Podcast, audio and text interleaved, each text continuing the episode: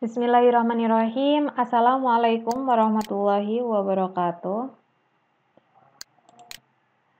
Kepada para mahasiswa yang sangat saya hormati, sayangi, semoga senantiasa dalam keadaan semangat terjaga untuk belajar hingga menuntaskan bagaimana caranya menulis artikel yang baik yang belum dapat yang belum mempunyai publikasi artikel di dalam jurnal, semoga dengan adanya kesempatan mengikuti kuliah ini bisa memacu untuk menghasilkan karya tulis ilmiah dengan baik.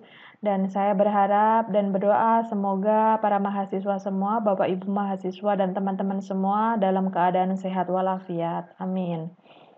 Pada kesempatan kali ini kita akan membahas terkait dengan metode. Bagaimana caranya kita menuliskan metode di dalam sebuah kajian artikel gitu ya. Karena kemarin beberapa waktu yang lalu kita sudah belajar bagaimana caranya menuliskan introduction, theoretical framework atau teori walaupun beberapa manajemen dari jurnal itu tidak uh, menuliskan secara eksplisit teori-teori tersebut di dalam artikel. Biasanya ada yang include dengan introduction, oke? Okay? Bapak Ibu teman-teman mahasiswa, sebelum kita belajar bersama terkait dengan metode dan penulisannya di dalam sebuah kajian artikel, marilah kita berdoa terlebih dahulu sesuai dengan kepercayaan dan agama kita masing-masing bagi yang tidak beragama muslim uh, untuk menyesuaikan bagi yang muslim mari kita membaca doa basmalah bersama. Bismillahirrahmanirrahim. Oke, Bapak Ibu dan teman-teman mahasiswa, beberapa hal yang perlu saya sampaikan pada kesempatan metode ini ternyata masih belum mengembalikan hasil revisi ya hasil review yang eh, hasil revisi yang saya review gitu ya. Ada beberapa saja tetapi yang lain sepertinya tumbang gitu ya. Oke. Okay. nah ini saja sebenarnya yang penting untuk kita tuliskan di dalam sebuah metode di artikel kalau Bapak Ibu memang jurnal pihak jurnal uh, reviewer di dalam jurnal tersebut gitu ya tidak akan banyak sekali tidak akan meminta kita menuliskan uh, normatif dari metode tersebut. Misalnya jenis penelitian, langsung saja kita tuliskan jenis penelitian apa yang kita gunakan di dalam penelitian tersebut gitu ya atau di dalam artikel itu. Jadi tidak perlu menuliskan jenis penelitian ini menurut dan lain sebagainya itu hanya sebagai uh, kalau menurut saya itu hanya sebagai uh, penguatan saja. Jadi langsung saja jenis penelitiannya apa to the point. Jenis penelitian yang digunakan di dalam artikel ini atau jenis penelitian ini menggunakan misalnya kuantitatif, kualitatif dan lain sebagainya. Selanjutnya yang kedua adalah pendekatan yang dipilih. Seperti yang sudah dipahami ketika Bapak Ibu dan teman-teman mendapatkan mata kuliah metodologi penelitian gitu ya, pasti memahami bahwa pendekatan di dalam penelitian itu sangat banyak gitu. Nanti di akhir akan saya uh, sampaikan beberapa pendekatan-pendekatan di dalam sebuah penelitian supaya untuk bisa mengingatkan kembali gitu ya, uh, recall terkait dengan teori-teori pendekatan yang ada di dalam metodologi penelitian. Oke. Okay banyak sekali. Nah, Bapak Ibu bisa memilih, Bapak Ibu teman-teman bisa memilih pendekatan apa yang digunakan. Kalau misalnya jenisnya menggunakan kualitatif gitu ya, pendekatannya kan banyak sekali, tidak semuanya gitu. Misalnya ada studi kasus, fenomenologi, etnografi, grounded teori, naratif, dan lain sebagainya. Kuantitatif juga demikian, atau mungkin dengan menggunakan jenis penelitian yang lain misalnya ya, eh, evaluasi, R&D atau literatur review gitu ya, penelitian-penelitian dokumen gitu ya. Masing-masing dari jenis penelitian tersebut juga memiliki pendekatan tersendiri. Nah, itu perlu dituliskan. Lalu setelah menuliskan apa pendekatan yang dipilih oleh Bapak Ibu dan teman-teman semua, selanjutnya adalah bagaimana caranya uh, mengungkapkan bahwa ini loh alasan saya memilih pendekatan yang digunakan di dalam sebuah penelitian yang saya lakukan gitu ya. Jadi Bapak Ibu menuliskan alasan memilih pendekatan tersebut. Kenapa? Saya memilih studi kasus gitu ya. Jenis penelitiannya kualitatif, uh, pendekatannya studi kasus. Alasan saya memilih studi kasus itu karena apa? Untuk mengungkapkan, untuk mengeksplorasi makna dan lain sebagainya. Nah, begitu juga di kuantitatif. Alasan saya menggunakan misalnya ya, sebut saja regresi gitu atau regresi linear, regresi berganda, regresi sederhana dan lain sebagainya. Kenapa saya menggunakan itu? Nah, itu bisa dituliskan. Nah, setelah menuliskan alasan memilih pendekatan, selanjutnya adalah responden atau partisipan. Nah, ini mohon Bapak Ibu dan teman-teman semua untuk menyesuaikan ya. Kita ketahui bahwa responden itu biasa digunakan di dalam sebuah penelitian kuantitatif. Sedangkan partisipan, narasumber, sumber data, itu biasanya digunakan di dalam sebuah penelitian kualitatif. Karena memang beda gitu ya. Responden itu kan pembentukannya dari sebuah dari populasi yang banyak, lalu di uh, apa namanya diambil sampelnya dan ter, terbentuklah sebuah responden. Sedangkan partisipan itu bisa dipilih atau bisa secara tidak sengaja memilih gitu ya partisipan ter, tergantung cara bagaimana pengambilan data dilakukan. Oke. Okay? Oke, selanjutnya tempat penelitian. Nah, ini perlu dituliskan di dalam metode penelitian dituliskan di dalam artikel gitu ya. Tempat penelitian. Kalau di dalam kualitatif biasanya kita mendengar atau melihat atau membaca tempat penelitian itu adalah setting gitu ya, setting penelitian atau tempat penelitian. Nah, the next yaitu adalah teknik pengambilan data. Bapak Ibu, teman-teman semua bisa bercerita bagaimana teknik pengambilan data, tetapi ingat harus disampaikan secara teknik gitu ya. Maksudnya tidak hanya sekedar formatif atau normatif gitu ya. Bagaimana bedanya itu? Banyak teman-teman mahasiswa ketika saya membimbing Eh, menuliskan teknik pengambilan data itu masih normatif. Jadi teknik pengambilan data itu masih menceritakan kondisi teori, jadi bukan kondisi teknik. Kondisi kondisi teknik ini berarti bahwa Bapak Ibu bisa menyampaikan bahwa teknik pengambilan data tidak hanya sekedar uh, disampaikan secara teori saja. Misalnya, teknik pengambilan data dalam penelitian ini menggunakan wawancara. Gitu. Kalau misalnya mau dibuatkan dengan teori, silahkan wawancara menurut A, B, C itu adalah bla bla bla gitu ya. Nah, tapi selanjutnya Bapak Ibu harus uh, menuliskan teknikalnya seperti apa wawancara dilakukan dengan uh, menggunakan bantuan recorder misalnya gitu kan. Wawancara uh, dilakukan dengan mewawancarai narasumber yaitu wawancara dilakukan untuk mengeksplorasi makna terkait objek penelitian yaitu misalnya leadership atau kalau enggak uh, teacher skills dan lain sebagainya. Nah, itu bagaimana caranya kita mengungkapkan teknik pengambilan data secara teknikal gitu ya, bukan normatif. Oke, okay, the next yaitu adalah teknik analisis data. Bapak, Ibu, teman-teman mahasiswa perlu menuliskan bagaimana caranya menganalisis data. Jadi tidak hanya sekedar di sini juga lagi-lagi tidak hanya sekedar normatif gitu ya, tapi benar-benar bagaimana caranya kita bisa menuliskan analisis data. Misal saja, kalau di dalam sebuah penelitian kuantitatif itu pasti sudah baku dan memiliki langkah-langkah yang nyata dan itu terstruktur ya, tidak tidak bisa dipisahkan. Apalagi ketika Bapak Ibu menggunakan uh, analisis data kuantitatif yang dia harus memiliki syarat gitu kan ya. Kan ada tuh uh, apa namanya ketika kita menganalisis data kuantitatif kita menggunakan uji prasyarat gitu. Kalau misalnya tidak ada uji prasyarat kita tidak boleh menganalisis dulu gitu. Nah, itu nanti bisa di-recall kembali uh, pengetahuan metodologi uh, atau analisis data tentang kuantitatif gitu ya. Dulu sama Prof Puji gitu ya. Oke. Nah, kalau kualitatif bagaimana? Kualitatif juga seperti itu. Misalnya tadi jenis penelitiannya adalah kualitatif, pendekatannya adalah studi kasus. Studi kasus ini memiliki model analisis yang sangat banyak sekali, tergantung dari teori atau model siapa gitu ya. Misalnya ada modelnya dari Robert Kain atau dari Creswell atau dari Denzin dan lain sebagainya. Nah, itu memiliki cara uh, analisis yang berbeda-beda. Bapak, Ibu, dan teman-teman bisa menuliskan dengan step-step yang ada di dalam teori tersebut, model tersebut, selanjutnya dituliskan secara teknikal. Oke okay ya.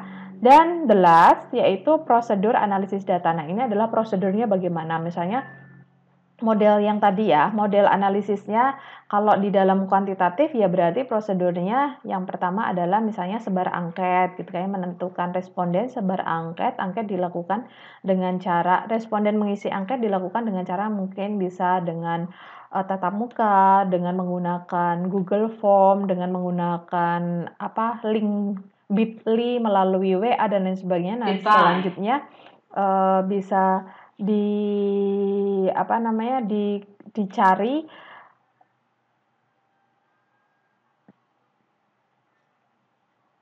dicari langkah-langkah untuk uh, memenuhi prosedur tersebut sampai akhir gitu ya itu yang kuantitatif sedangkan untuk penelitian kualitatif ya tergantung tadi model yang dipilih oleh Bapak Ibu dan teman-teman semua kayak gitu ya. Misalnya yang pertama adalah analisis dokumen. Oke, analisis dokumen itu ngapain saja gitu kan? Analisis dokumen dilakukan dengan cara mencari dokumen-dokumen yang sesuai atau relevan dengan subjek penelitian yang dilakukan atau dengan objek penelitian yang dilakukan atau substansi dari penelitian tersebut dan lain sebagainya. Nah, oke. Bapak Ibu teman-teman, nah ini contoh dari metode-metode penulisan metode gitu ya, metode-metode yang ada di dalam artikel gitu kan.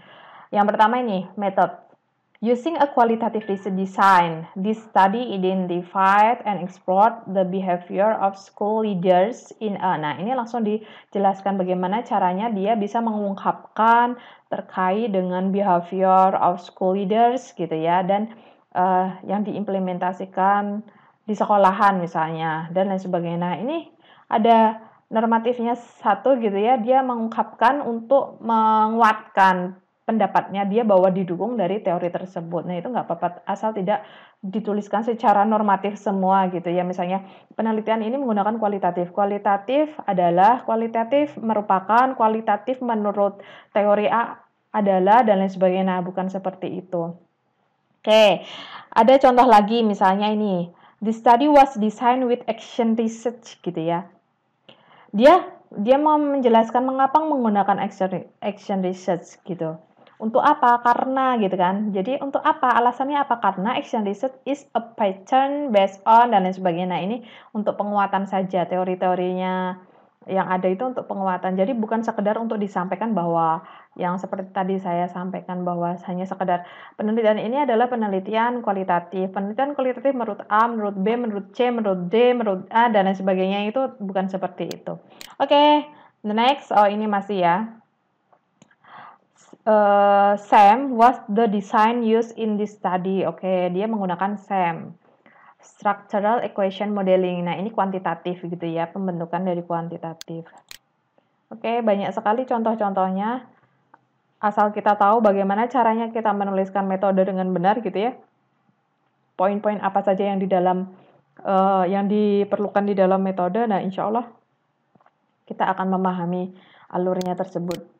Nah, ini Research setting population and sample. Ini perlu dijelaskan juga sampelnya siapa, populasinya siapa, seperti itu. Bagaimana cara pengambilan sampel itu biasanya di kuantitatif.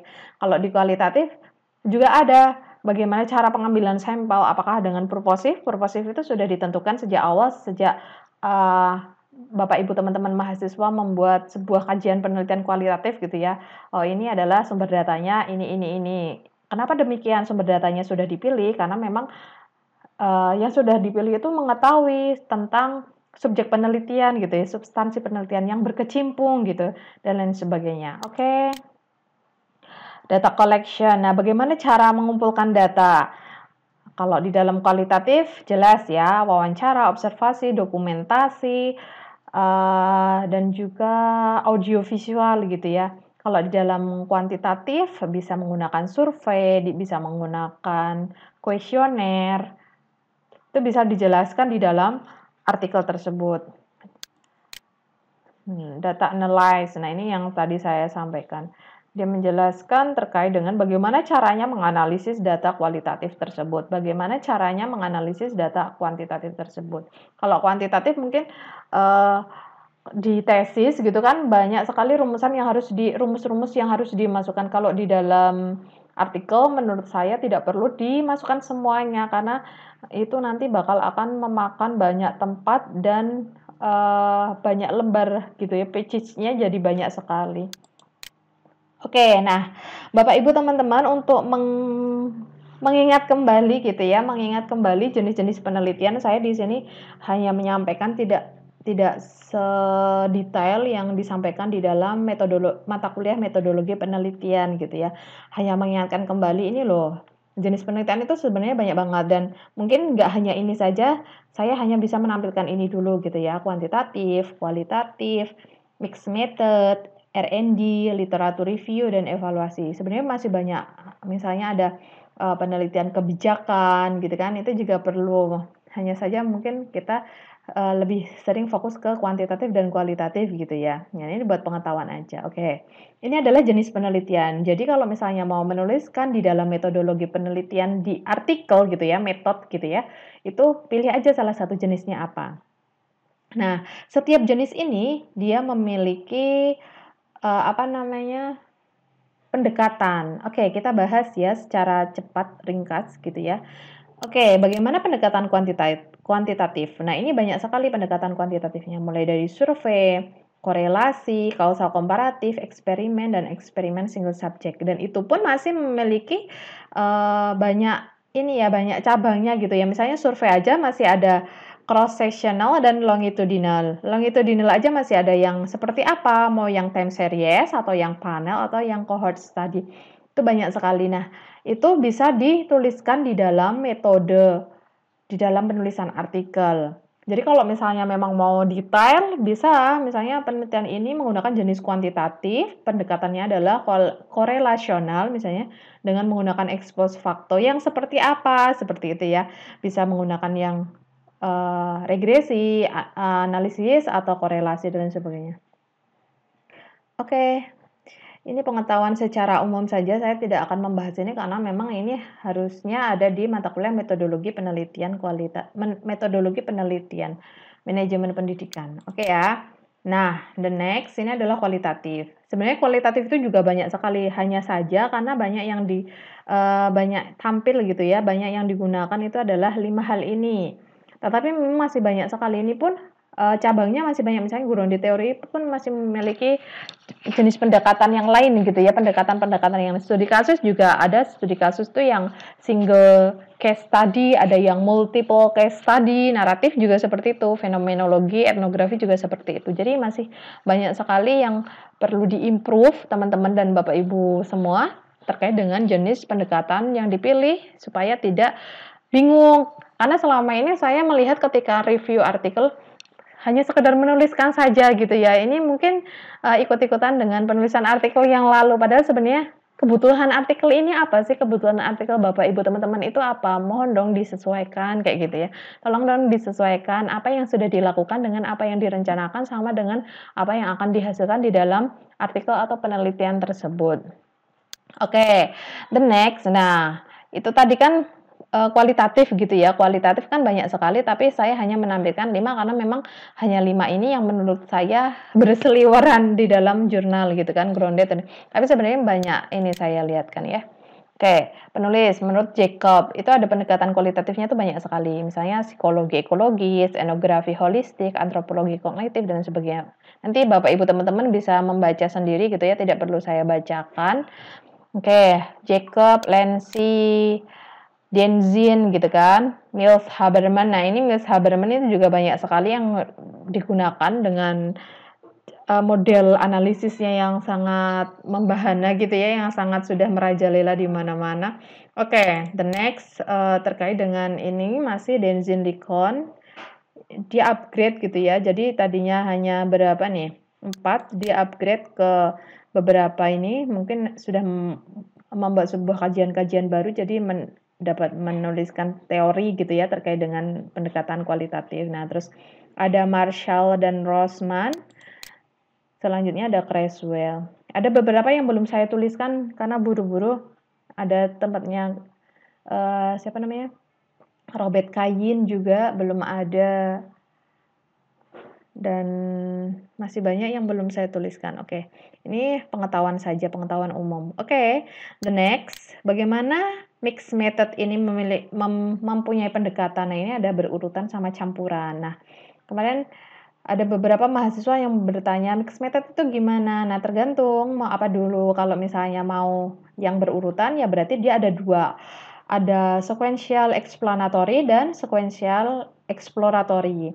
Explanatory itu Data utama adalah data kuantitatif yang didukung oleh data kualitatif. Sedangkan yang eksploratory ini kebalikan, data utama adalah data yang diambil melalui kualitatif dan dukungan data ini menggunakan kuantitatif. Nah, sekarang kalau yang campuran bagaimana? Dia ada triangulasi dan embedded.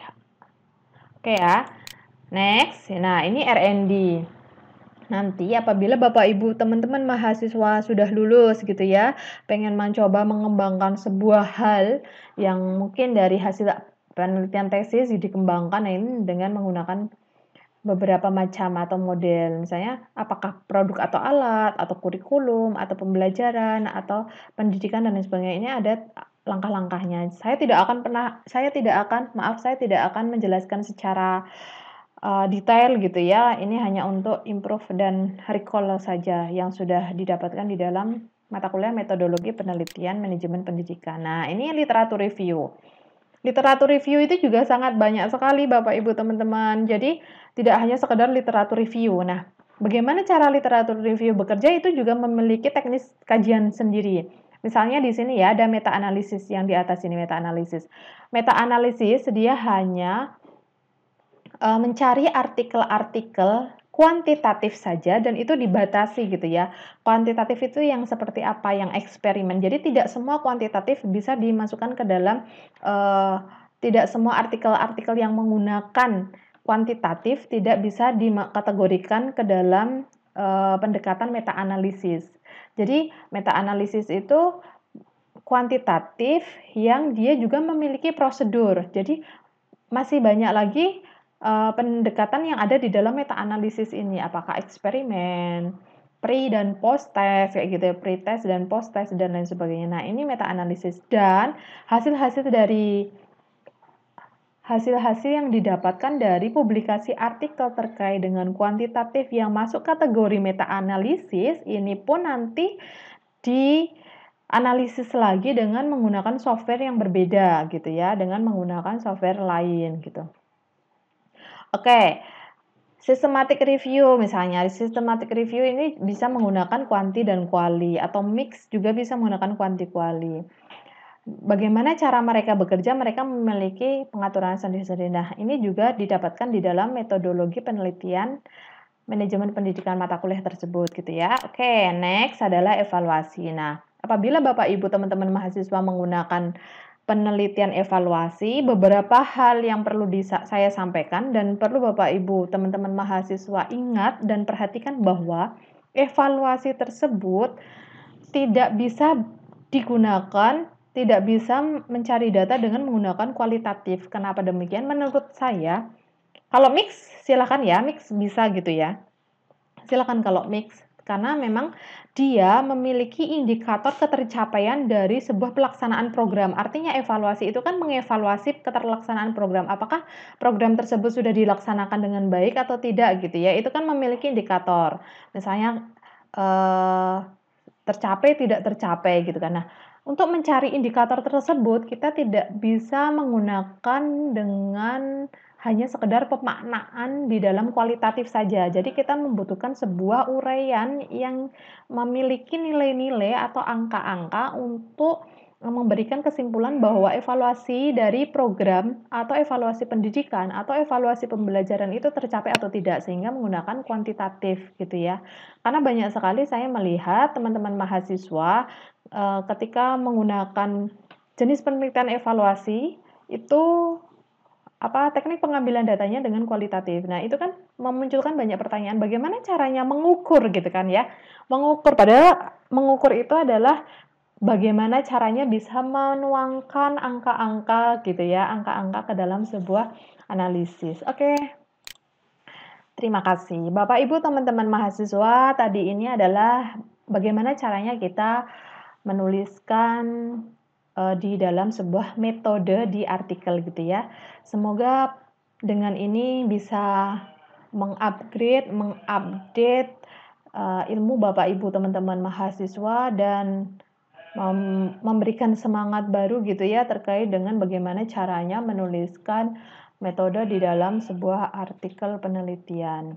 Oke, Bapak Ibu teman-teman mahasiswa, untuk itu sekian apa yang sudah saya sampaikan. Banyak sekali kesalahan, saya mohon maaf terkait dengan mungkin uh, saya merekam karena di rumah juga tidak ada peredam suara. Jadi apabila ada suara-suara masuk noise noise gitu ya yang mengganggu Bapak Ibu, semoga tidak mengurangi uh, pendengaran dan memahami Bapak Ibu semua dalam uh, memaknai teori terkait metode pada kesempatan kali ini. Saya mohon maaf, sekian dari saya.